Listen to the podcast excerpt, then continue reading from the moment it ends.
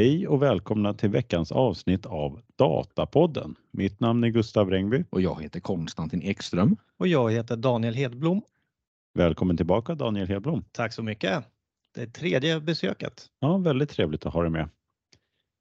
Vi har tre artiklar idag Mm.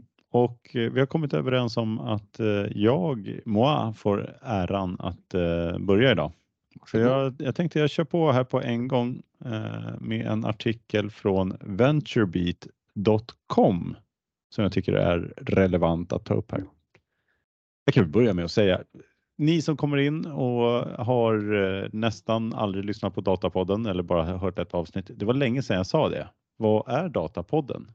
Vi är alltså en eh, podcast där vi vill eh, ge, det- eh, ge alla i våran bransch en möjlighet att ha, få lite liksom, omvärldsbevakning på allt som händer inom data och analys.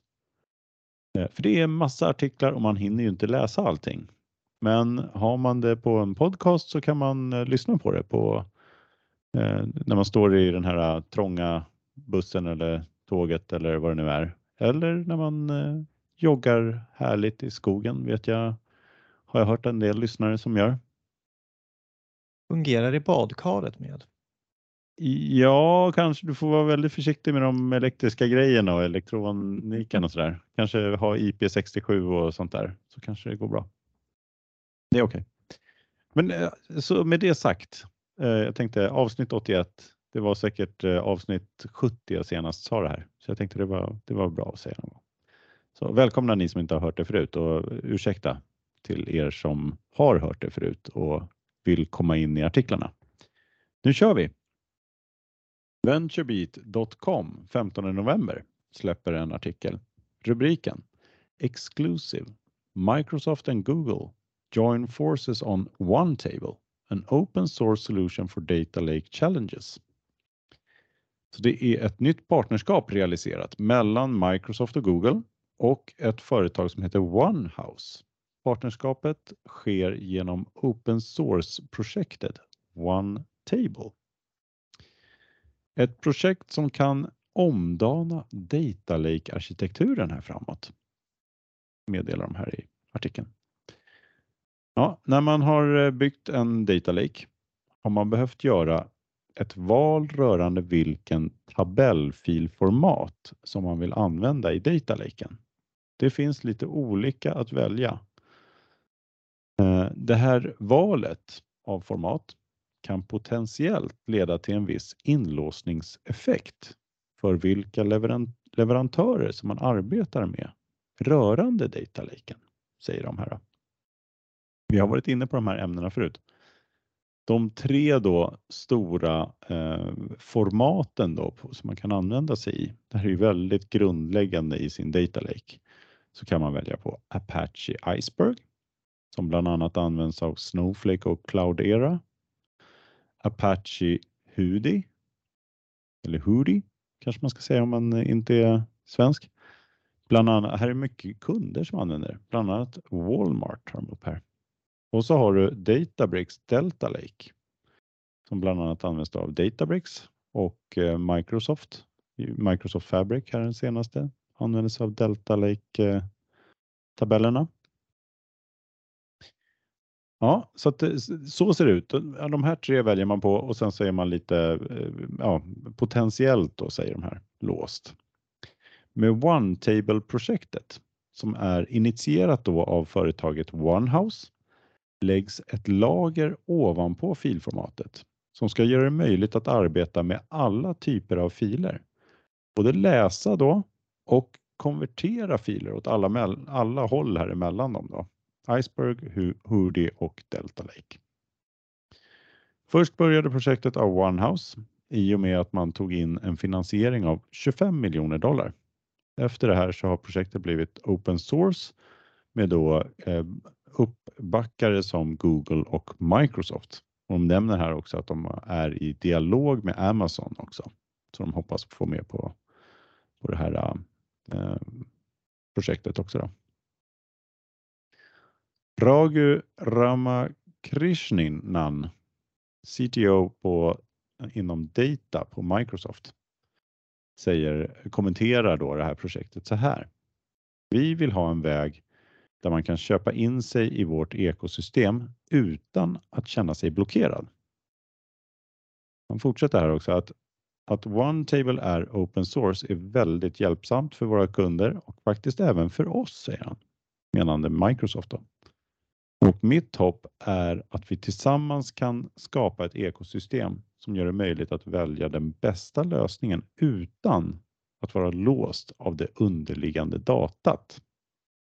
Så säger Microsoft om det här. Mm. Sen nämner de här då att Google har ju sitt egna format. Big Lake Table finns det.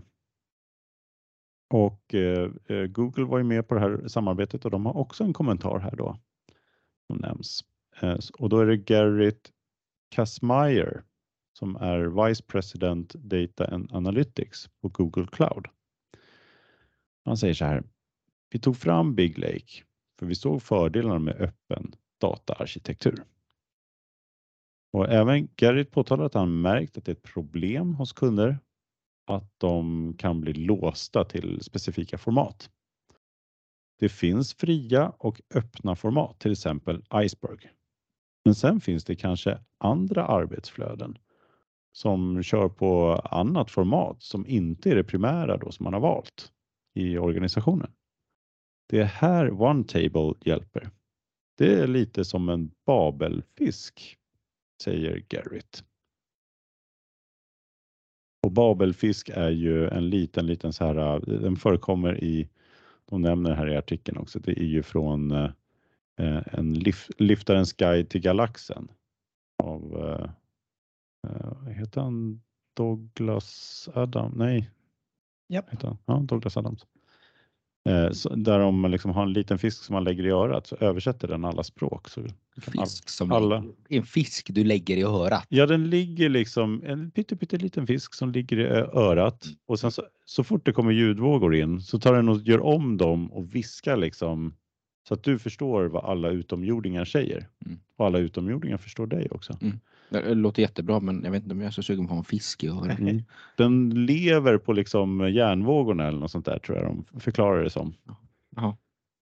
Eh, ja, men det är en babelfisk. Har inte Google till och med haft en eh, babelfish.google eh, där man kunde köra translate eller var det Altavist eller någon som hade en så länge sedan?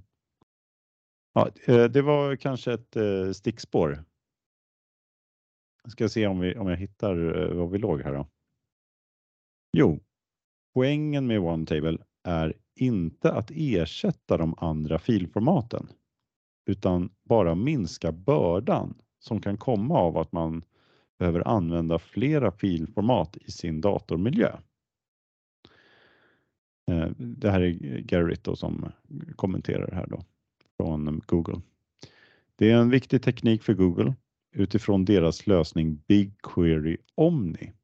Den här har vi pratat om tidigare också.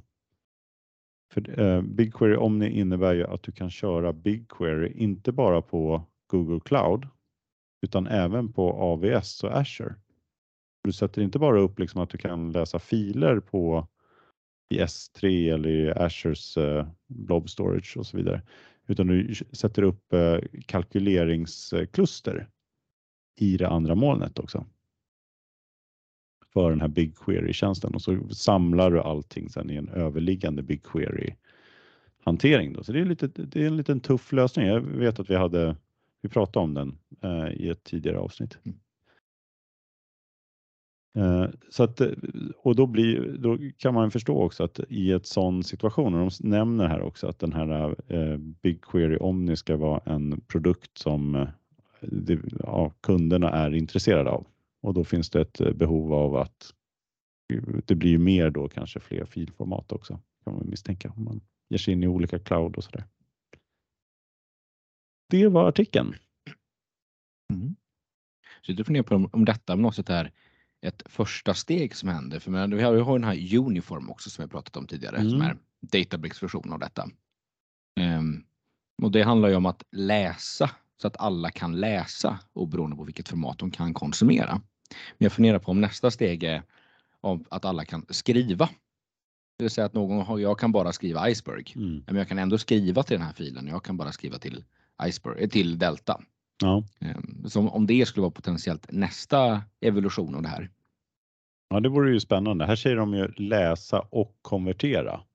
Man ska i alla fall, men det blir ju också, det är ju ännu bättre om man bara kan eh, ha en liten konverterare då mellan alla språk liksom. Precis. Att, eh, ja. Ja, det, det känns som, det, då skulle det vara fullständigt komplett. Ja, då är vi ju hemma på riktigt.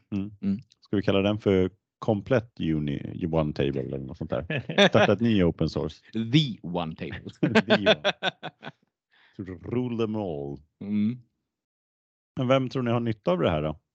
Ja, men där känns det ju som att Google som är eh, ja, trea på mycket av sånt här i marknadsandel. De har ju mycket att tjäna på det här, men man kan ju fundera vad Microsoft och deras tankar är runt det hela. Men eh, Ja, men om man tar ett exempel här nu att, att um, Fabric liksom har eh, jobbat med Delta. Då blir det liksom något annat system som inte kan, då kan liksom det vara, då, då blir det inget, inget argument att ingen annan kan läsa det. Eller man, ja, ingen annan, det finns många som kan läsa det, men att man har massa andra system, kanske någon, någon, någon functions eller nå- något sånt där som liksom inte, man har inte byggt det ursprungligen för, för, för det här formatet. Men okej, då, då kan man fortfarande utnyttja det. Ja, nej, det känns ju som Mm. att när man sitter där i Fabric eller Power BI rapportappen att det bara finns en källa som fungerar rakt upp och ner är ju, skulle ju vara en drömscenario. Mm. För många där, men eh, eh, hur det kommer att fungera i praktiken blir ju intressant att se om det blir som med ODBC, att det känns straightforward och fungerar out of the box. Ja, verkligen. Nej, man, man vill ju gärna att en, eh, att en sån här ska lyckas och få med sig hela marknaden så att det Mm. inte slutar i att eh, ja, Det vi har tre filformat och sen så har vi två stycken one table format och så ska man välja det också eller? Mm. Ja. En standard på en standard på en standard. Ja. Det är ju bara förvärrad söndagsångest. Men det här låter som ett lager ovanpå på något sätt. Det är inte så att man bestämt att vi ska köra exakt det här formatet utan det känns som att det ligger ett lager eh, ja, precis. efter Ja. Delta Lake så det blir liksom en, en skick till där med Mm. Ja, processorkraft och Ja. allt vad det kan kosta. Så det, Jag vet inte, för det stod väl inget exakt vad tekniken var här, men i alla fall med Uniform så då genererar den ju upp metadata ja. för alla Mm. tre formaten. Så att det är liksom det man kan använda. ja, för det var det jag förstod. Det här handlar om bara om metadatat. Det rör ju inte att det är parkettfiler och sådana saker. utan Nej, det här blir ju utan det är på metadatan som när- skiljer Ja. formaten åt. Nej, men det verkar spännande. Mm.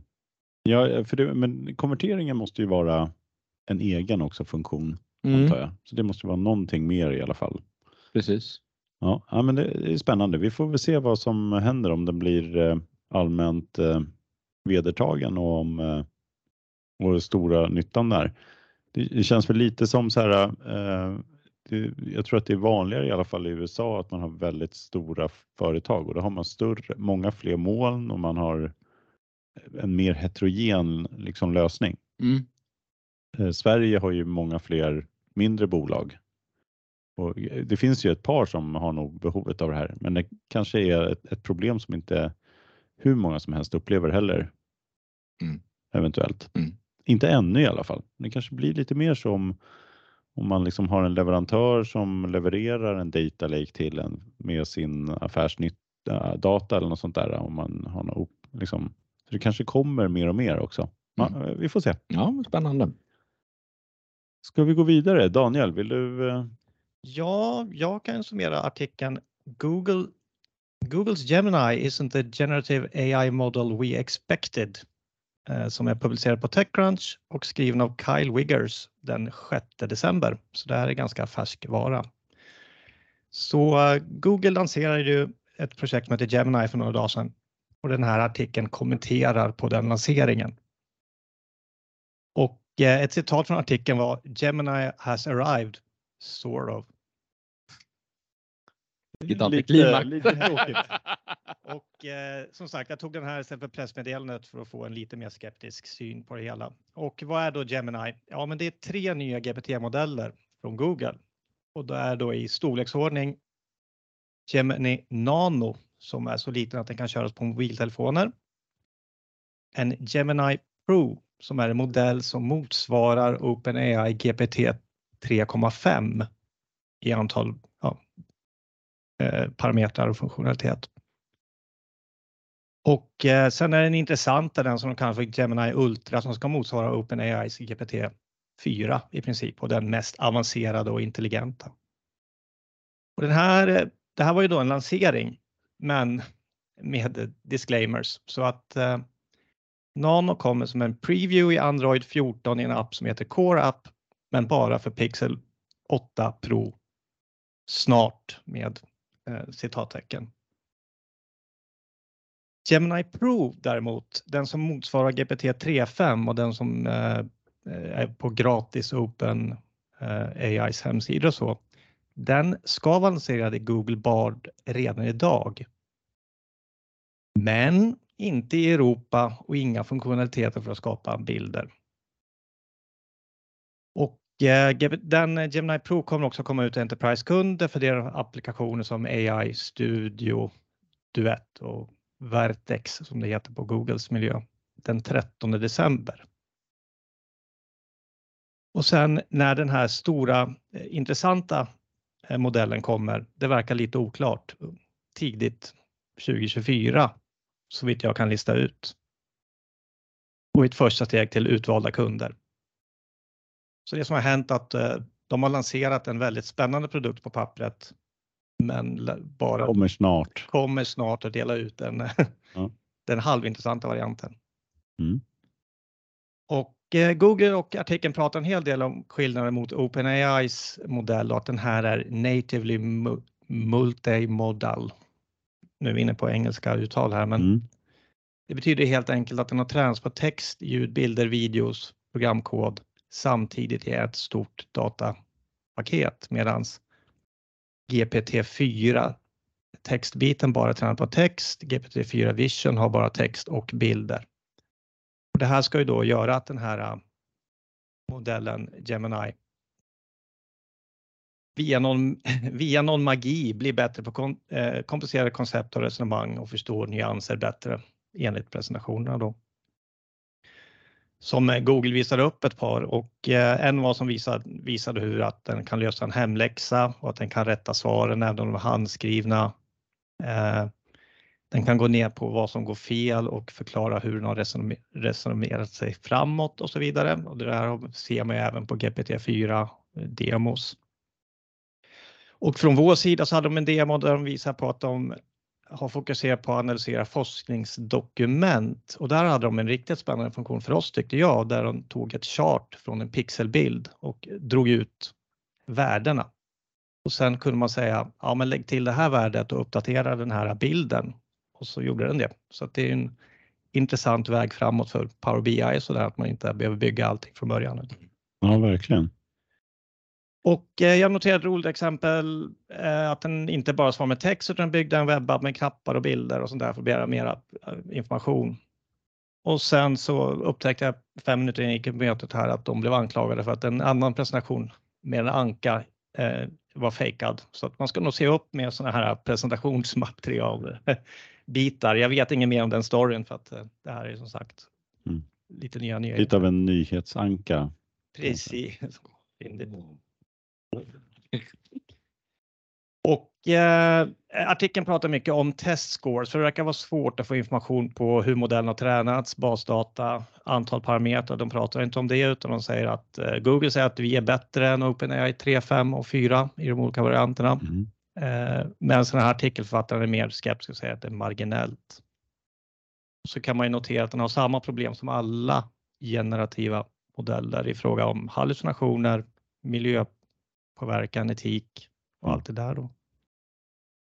Och eh, vi kan ju notera att den har tränats på Googles tensorprocessorer och det ska bara ha tagit några veckor att träna provmodellen och betydligt billigare än de tidigare modellerna.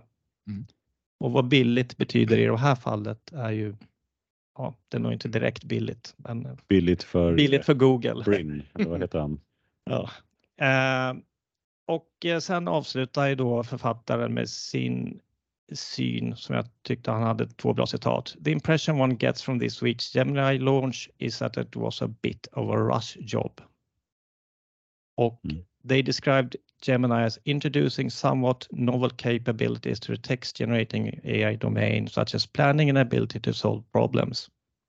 It may well be that Gemini Ultra is capable of, of all this and more, but the briefing yesterday wasn't especially convincing. Nej, Men- och ingen har fått testa den liksom. Precis, ingen har fått testa det. Mycket saker. Det här kommer sen. Och eh, Men samtidigt så ger de och säger att eh, den har eh, liksom testats och bli, är bättre än då när de gör massa jämförelser. i, ja, exakt. Men, men alltså det känns överlag som hela liksom Googles AI-resa är ganska medioker. I alla fall liksom, eh, eh, så här, vad gäller publicitet. Men att när de introducerade en Bard, det det var liksom ingen ens som hade googlat på liksom bilden och skickade ut Ja, eh, där med att det var ju faktafel liksom i det här exemplet som de körde på vitt och brett överallt. Vad var det för något faktafel? Um, vad det var det vem som landade på vilket år som man landade på månen eller något sånt där. Jaha. Och det var ingen som hade kollat upp det och så la de upp det på Twitter och på allt sånt där och så bara Ja, det, okej. det, det där stämmer inte riktigt. Och det var deras demo. Mm. Och så det här liksom att det, Ja. det, är inte riktigt där. de är ju väldigt duktiga på teknik, men de kommer liksom inte framåt i själva kommersialiserandet av det. Nej. Och det känns ju som de nu ruschar de ut den här för att eh, ja, Ja. Microsoft och Amazon gjorde det. Men å andra sidan, så jag läste en lite intressant artikel här i morse apropå Google versus Microsoft här. Ehm, att alltså Google har ju så här 90 av, eh, av eh, sök, sökmarknaden och Bing låg väl på så här 8-9 alltså det är otroligt stor skillnad. Mm. Men den skillnaden gjorde att Google har så otroligt mycket mer data att träna på så att de kommer förbli eh, alltså ledande liksom som sökmotor, sökmotor av den anledningen. Så jag bara började fundera på, liksom, är det lite samma här? Eh, Det är lite svårt att uttala sig om liksom vilken data de har tillgång till, men givet att Google skulle ha tillgång till bättre data och ändå kan återskapa ja, men likvärdiga modeller som OpenAI så borde de ändå över tid kunna ta fram eh, och bli liksom ligga framkant eller liksom, ja det gör de sig redan men Ja. och vara liksom och med kunna gå om över tid även om de ligger lite efter nu. De har ju verkligen potentialen Mm. och eh, jag tycker alltså om den nu har om den är lika bra som 3, 5 och 4 så tycker jag att de har gjort ett ganska bra jobb att hämta ikapp det för att OpenAI har ju ändå hållit på. Jag fick ju vänta två år på min nyckel som aldrig kom Ja. på GPT-3. Mm. Nej, men man, ska, man, ska nog, man ska nog akta sig för att räkna ut dem. Det tror jag. Bara för att absolut. de är lite, lite stapplande i början här. Och jag, eh, det jag ser, jag jobbar både med Google-miljön och, och Microsofts miljöer. Och jag, jag tycker det är bra att de får en modell som är nära lika bra, att de verkar ha samma filosofi så att, eh, ja men samma som, eh, ja, eh, samma AI-studio och Mm. Mm. Copilot och så vidare. Så man, man kan känna igen sig och använda samma metodiker när man använder båda miljöerna. Mm.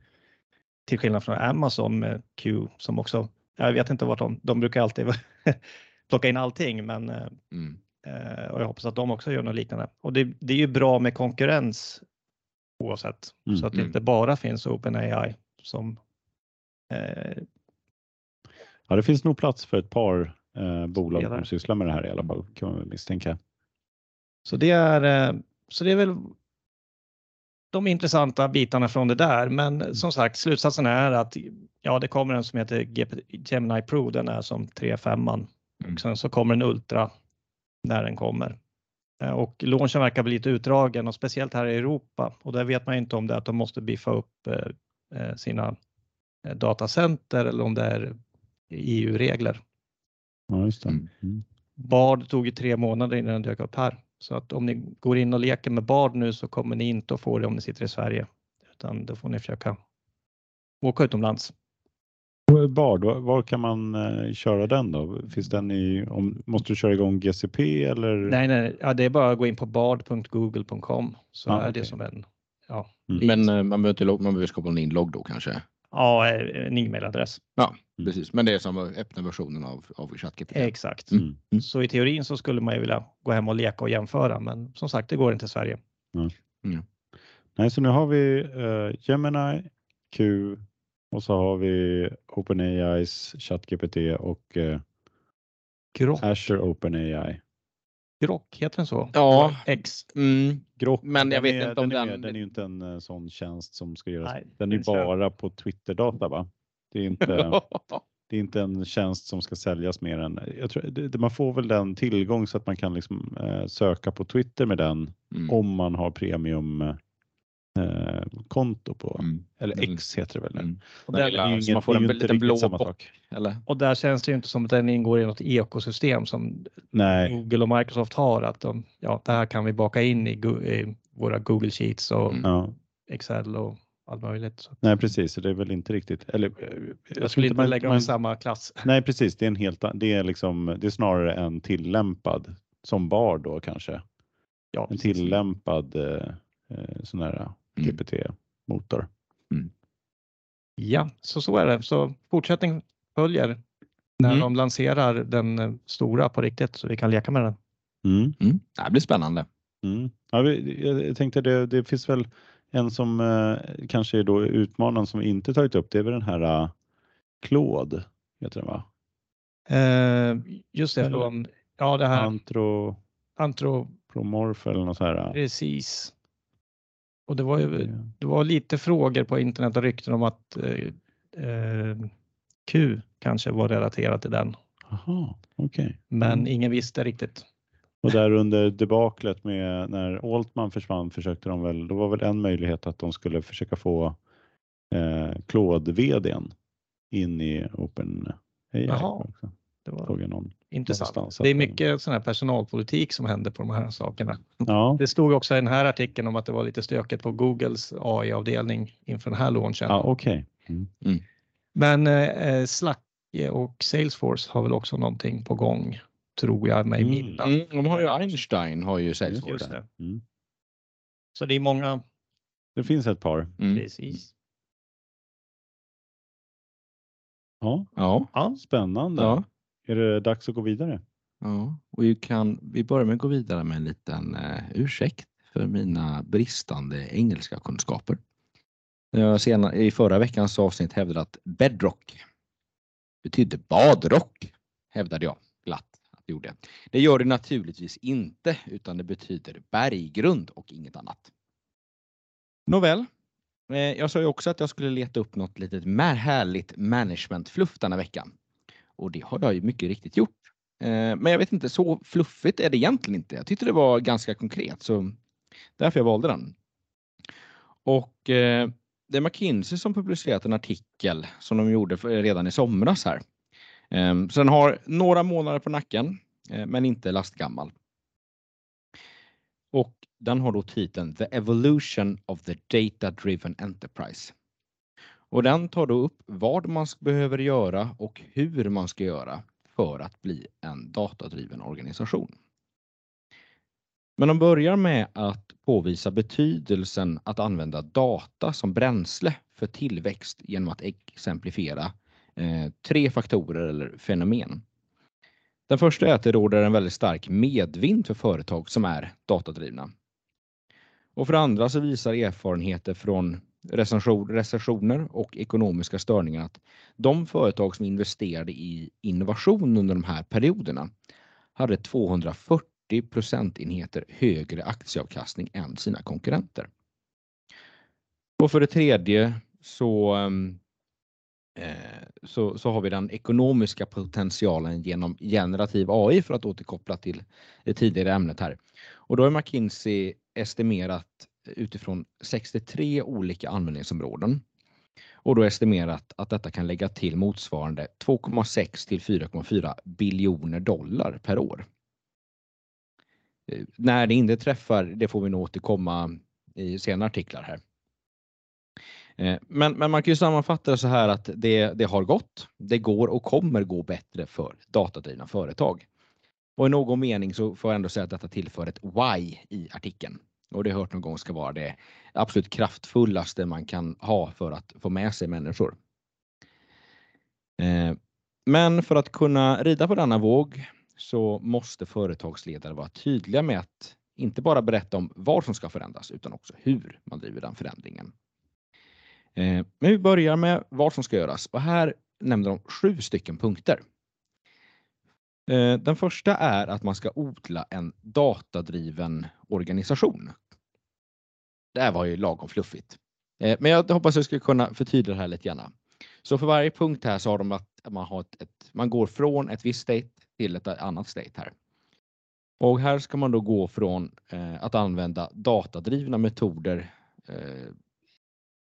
sporadiskt, alltså man tillämpar dem sporadiskt runt om organisationen. Och ska man då gå till datademokratisering som möjliggör då att alla anställda kan dra nytta av data och använda data för att lösa utmaningar. Och här kan du komma till skott med självbetjäningsverktyg, ehm, att man har förebilden och ledningen eh, och sen så att man förankrar liksom en datadriven mentalitet. Att man ska använda, har man en fråga så söker man stöd i datat. Den andra punkten handlar om att stärka data och analys. Eh, och här ska man då gå från att endast en bråkdel av den data som finns tillgänglig för verksamheten eh, hämtas och bearbetas och analyseras till då att eh, att man använder, ehm, nästan plockar in den mesta av datan man ser över egentligen alla områden som kan generera data och försöker se att ja, men kan vi använda den här, vad kan vi dra för nytta av från den här processen?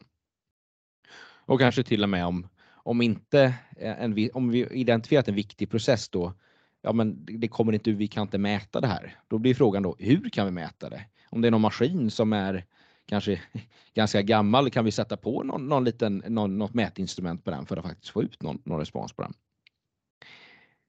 Den tredje här är att, handlar om att skapa dynamiska och återanvändbara dataprodukter. Och här ska man gå från att eh, utvecklare spenderar en betydande tid med att upprepande gånger kurera och hantera datauppsättningar för varje användningsfall. Det vill säga att man, man gör allting case by case och det blir liksom, du har samma data på flera ställen och så det, det är samma logik på många olika ställen. Nästan. ehm, och här ska man ju då gå till att man har Ehm, att data liksom kureras till dynamiska och mångsidiga dataprodukter och som kan återanvändas. Och ehm, det, det är liksom detta maximerar ju då den egentligen eh, ROIn på det arbetet man lägger ner i, men man kan återanvända eh, sina datasätt. Sen den fjärde här handlar om att behandla data som en produkt. Ehm, och här ska man gå från att ingen vet vem som äger den här datan. Det är liksom, ja, det här är en liten data. Vad är detta för någonting? Jag har ingen aning. Fråga, fråga Lars där borta. Nej, han har slutat tyvärr. Ja, det var ju tråkigt. Ja. Okej, vi, vi släpper den och går vidare. Titta på något annat som är roligare. Ehm, och sen så kan det finnas flera olika versioner och så där. Här ska man ju då gå till att man definierar dataprodukter och att de får också dedikerade team eller squads som man liksom anpassar för att Eh, för liksom arbeta och utveckla den här produkten. Ehm, precis. Punkt nummer fem. Utvidga Chief Data Officer-rollen till att generera värde. Så att CIO och CDO ska ju få liksom ett, ett större ansvar än att eh, ha liksom den här sidorollen som, som bara håller på med lite data för skojs skull. Eh, här ska man då gå från att de fungerar då som ett eh, kostnadscenter ansvar för att utveckla och spåra efterlevnad och policy, standard och procedurer. Det låter ju inte speciellt kul och det är inte meningen att eh, det, det är, så här, det är meningen att det ska vara kul också. Ehm, och det gör det också genom att man eh, lägger till nyttan här då. Ehm, för då ska man ju gå till då att CDON och deras team fungerar som en revenue center. Ehm, de tänker ut sätt då hur man ska använda data Eh, är mer att liksom utveckla en företags datastrategi och inkuberar nya intäktskällor genom att monetarisera datatjänster och datadelning. Så att det är inte bara så att man har liksom data för internt bruk utan man kan ju faktiskt sälja den här externt. Det kan man ha det som eh, förhandlingsunderlag till, eh, till leverantörer, att man får med data, men även då liksom direktförsäljning om det är någon som vill, något annat företag som, som vill använda den här då. Kanske till något nytt case som man inte själv ens har tänkt på. Sen ska man göra dataekosystem till norm.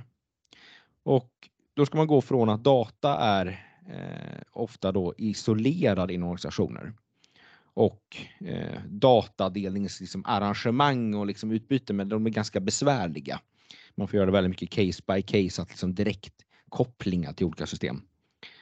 Eh, och här ska man då införa liksom en, gå till att använda som datadelningsplattformar för att underlätta samarbete då, både inom och mellan organisationer.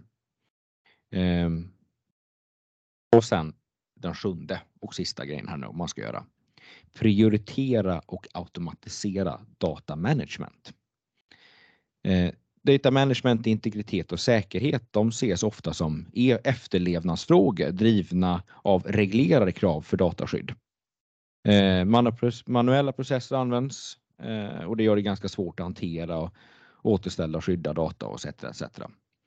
Eh, här menar de att man ska då gå mot mer liksom AI-baserade verktyg eller liksom överhuvudtaget ehm, automatisera det som allt som går att automatisera kring det här. Så man egentligen slipper att tänka på. Man, man, liksom, man gör upp en plan en gång, gör den och sen så liksom är det snarare finjusteringar sen då. Det blir liksom inte en, en börda som man måste hålla på med hela tiden. Um, men sen, det var ju den sista punkten då, så de här sju, de är liksom vad ska vi göra? Sen hur? Jag får ändå säga att jag tyckte det kanske det tunnades ut lite grann artikeln här, för jag tyckte de här sju tyckte jag var superbra. De var eh, spot on. Men här då, då, då ska man ju då, eh, när man ska jämföra det här, så hur? Ja, man ska börja med en, att göra en roadmap som prioriterar domäner och väderströmmar, gärna att man utgår från en kundresa eller process och identifiera datakällorna som kan driva de nödvändiga lösningarna. Och här ska då man få tydliggjort då vad, vad som behöver göras, i vilken ordning och vilka förmågor som krävs. Och avgörande förmåga inkluderar att bygga upp ett internt team av teknikexperter som blir del av varje lösning från början, att man liksom inte tar det sen. Ja, just den sista delen, jag tyckte den kändes ganska självklar, men enkelheten är ganska trevlig ibland också. Eh, allt behöver inte vara så otroligt avancerat.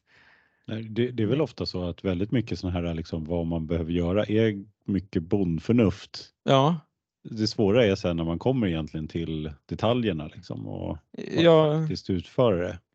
Ja, men lite... men eh, grunden, så om man har en för komplex plan då blir det också omöjligt att, att genomföra den. Mm. Om det är för svårt eller för komplext. Liksom. Mm. Men eh, för oss så känns det här som en önskelista och de kunderna som vi har eh, intressanta projekt på är ju ofta ganska eh, datadrivna och då mm. fungerar det smidigt och, och allting fungerar. Men det, som du sa, hur gör man? Och där har jag sett några olika varianter och, där kan man till exempel också börja kräva att eh, ja, ska du fatta ett beslut så måste du ha ett dataunderlag. Du får inte bara säga jag tycker alla ska jobba hemifrån eller tvärtom.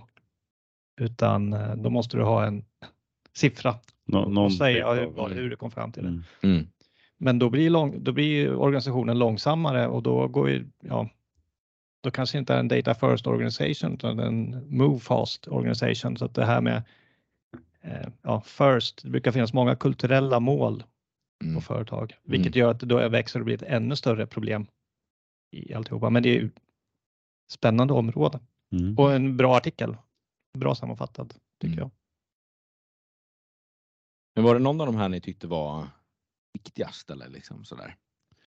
Ja, men jag tycker flera var roliga. Jag tänkte på, vi har ju haft eh, Johan Odén brukar vara med ofta. Han, Mm. han gillar att prata om liksom datahanteringen här. Mm. Han skulle ju älska den här artikeln.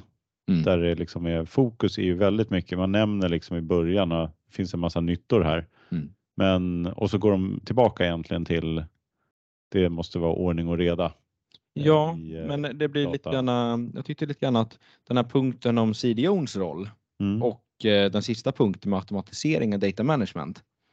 De hänger lite grann samman för att det handlar om att liksom att jag tolkar lite grann som att ibland så har CEO-rollen blivit lite mer av den här regelefterlevnad, compliance. Men man ska liksom ta bort de uppgifterna liksom, så mycket som möjligt automatisera och så att man kan fokusera på liksom värde, eh, värdeskapande aktiviteter istället. Ja, jag, tänkte lite på eh, hur det här förhåller sig till, eh, vi, har ju liksom lite då och då tar vi upp lite olika artiklar Mm. om den här typen av eh, område och vad säger andra om det här? Mm. Vi hade väl någon artikel här för ett litet tag sedan om data mesh. Någon som hade misslyckats med ett data mesh projekt men sa att alla var överens, även om man gick och pratade med folk som jobbar med data mesh och sådär. Dataprodukten Mm. var liksom, det var jättebra. Mm. Dataprodukten och datakontrakten. Mm. Det stämmer väl lite grann med de här punkterna kring att man ska jobba med dataprodukter. Mm. Men det hjälper ju väldigt mycket, framförallt att ha, man konkretiserar någonting att tala om. Mm. Du kan prata om det, du kan peka, du kan rita. Ehm, ja, men egentligen så snart du kan rita upp någonting på en whiteboard, då är det liksom så konkret att du kan ha ett samtal med Ja, det. verkligen. För kan du inte rita upp det på whiteboard då, då är det så, så pass abstrakt så att det, det liksom det blir, det blir svårt Ja. att, att liksom få ut det. Jag kan tycka om man nu ska, för alla är ju för dataprodukter, men nu ska jag vara lite eh, negativ också, Mm. eller i alla fall se risker. Mm. Jag tycker att det finns en risk att man ser, om man pratar dataprodukt, Mm. Då låter det som om det finns en, som man är en produkt på en fri marknad. Men ett företag är inte en fri marknad.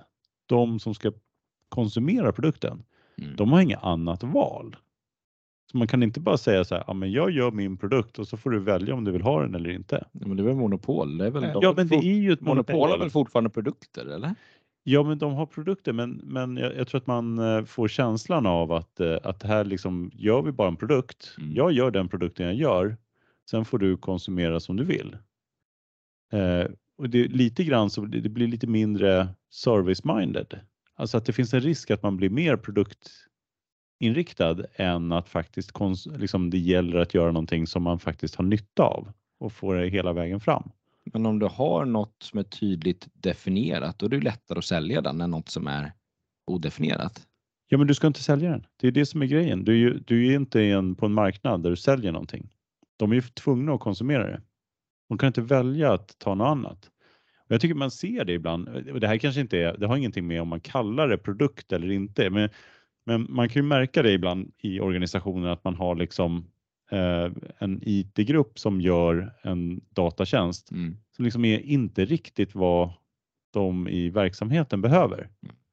Eh, och så finns det liksom ett mellanrum där som man liksom säger, ah, men du får sköta det själv. Eller Mm. något sånt där. Och Fast jag vet är- inte, ibland ja. så blir det inte bra liksom. Nej, men jag, jag, förlåt mig. Jag, jag, jag, Ja.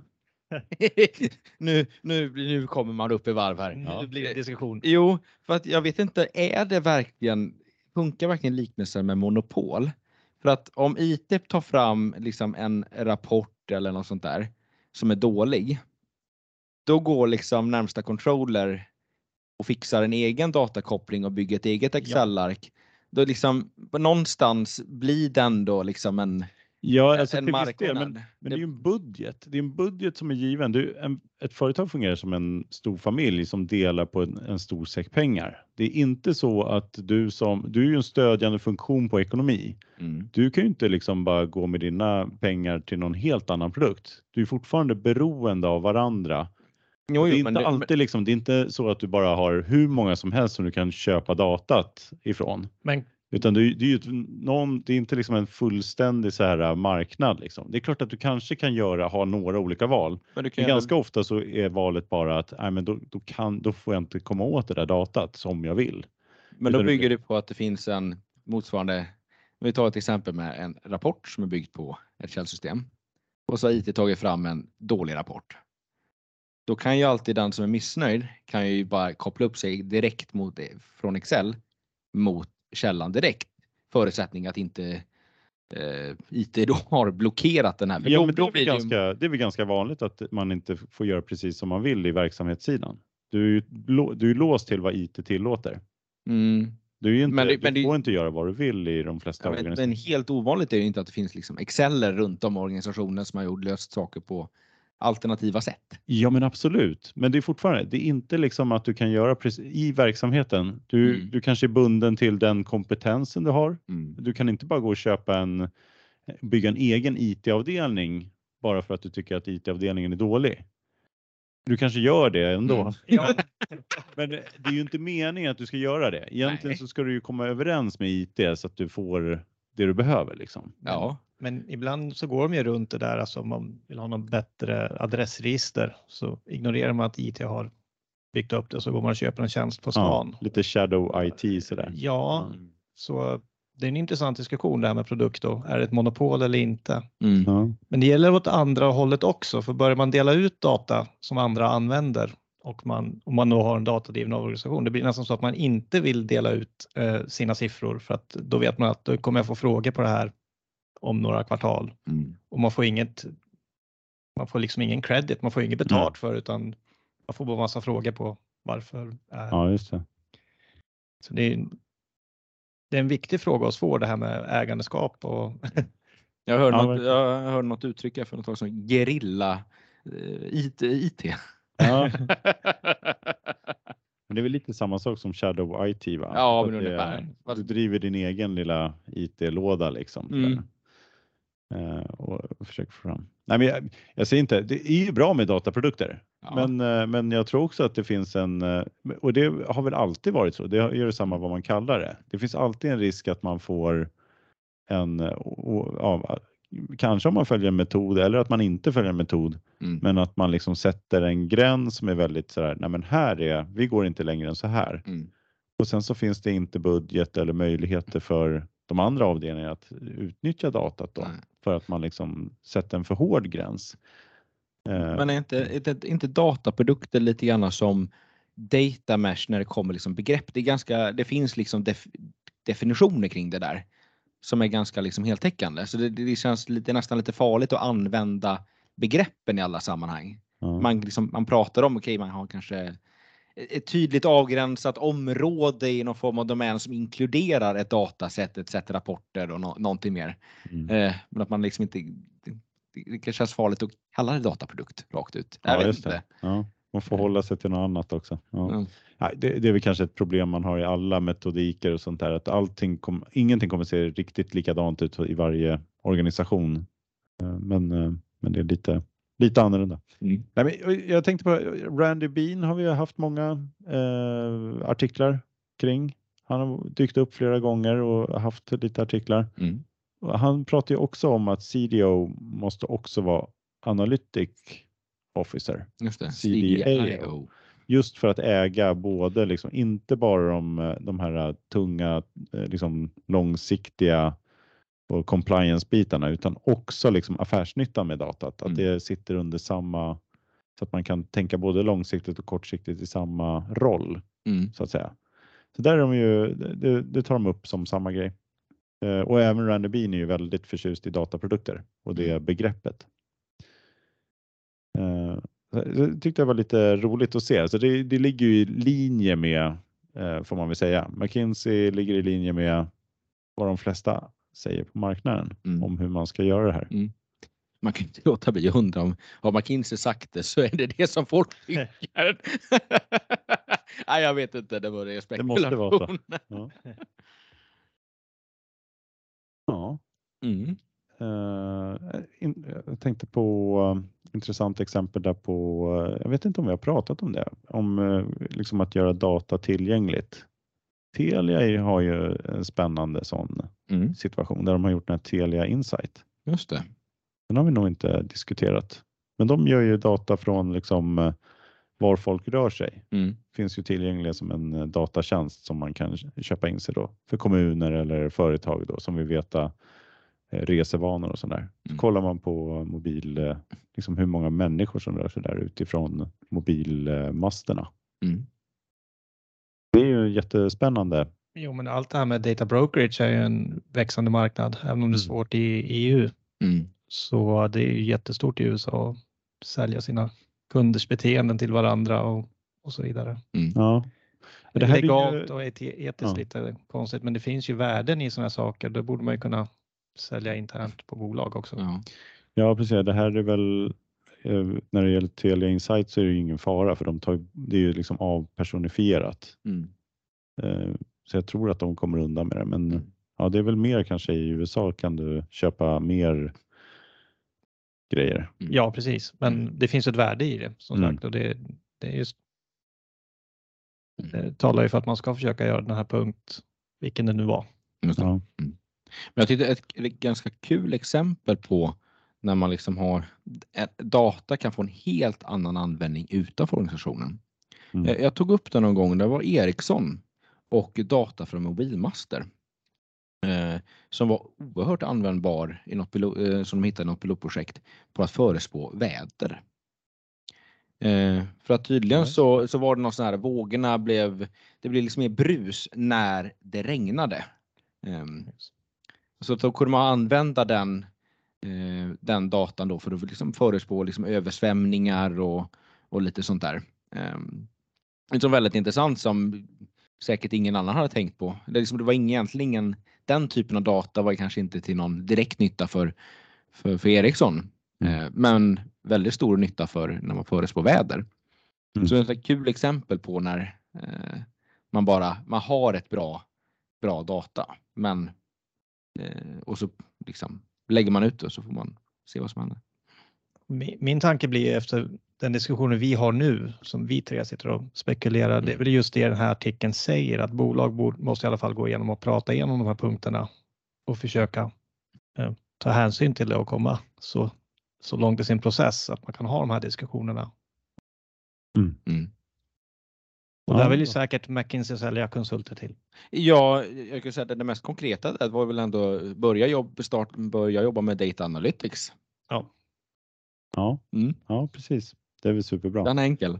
Va- vad var det nu? Hur många triljoner kunde vi spara? Eh, Eller äh, tjäna. tjäna? Eh, 2,2 till 4,4 biljoner dollar. Ja, Trillion dollars. just det. Ja. TDC sa 300, nej 30. De, men de gjorde nog, det här är ju mer specifikt till vissa business case. Ja, det ja var, det här var ju 63 use cases. Ja, ja, vi de vet gjorde inte nog vil- en mer aggregerad. eh, Ja, Mm. ja vi, vi, vi får nog återkomma med den där artikeln någon gång i framtiden och se vad, vad var det de hade tittat på för något. Ja, precis. Ja, det är spännande. Ja, och, men eh, kul, 240 procent. Det är en eh, rejäl... Procentenheter. Är samma sak som. 240 procent. Eller ja, det beror på. Nej, om du har 100 procent och så lägger du på 240 procentenheter. Det är annat än att det är plus 200.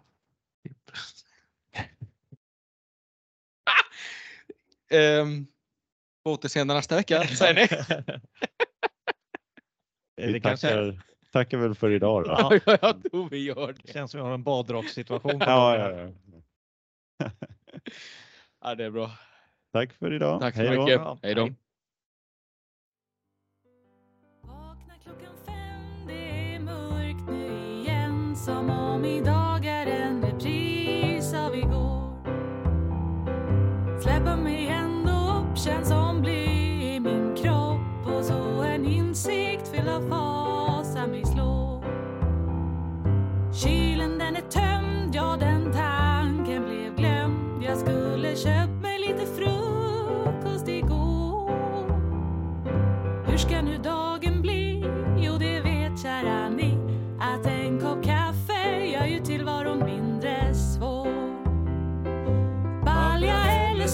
mindre svår.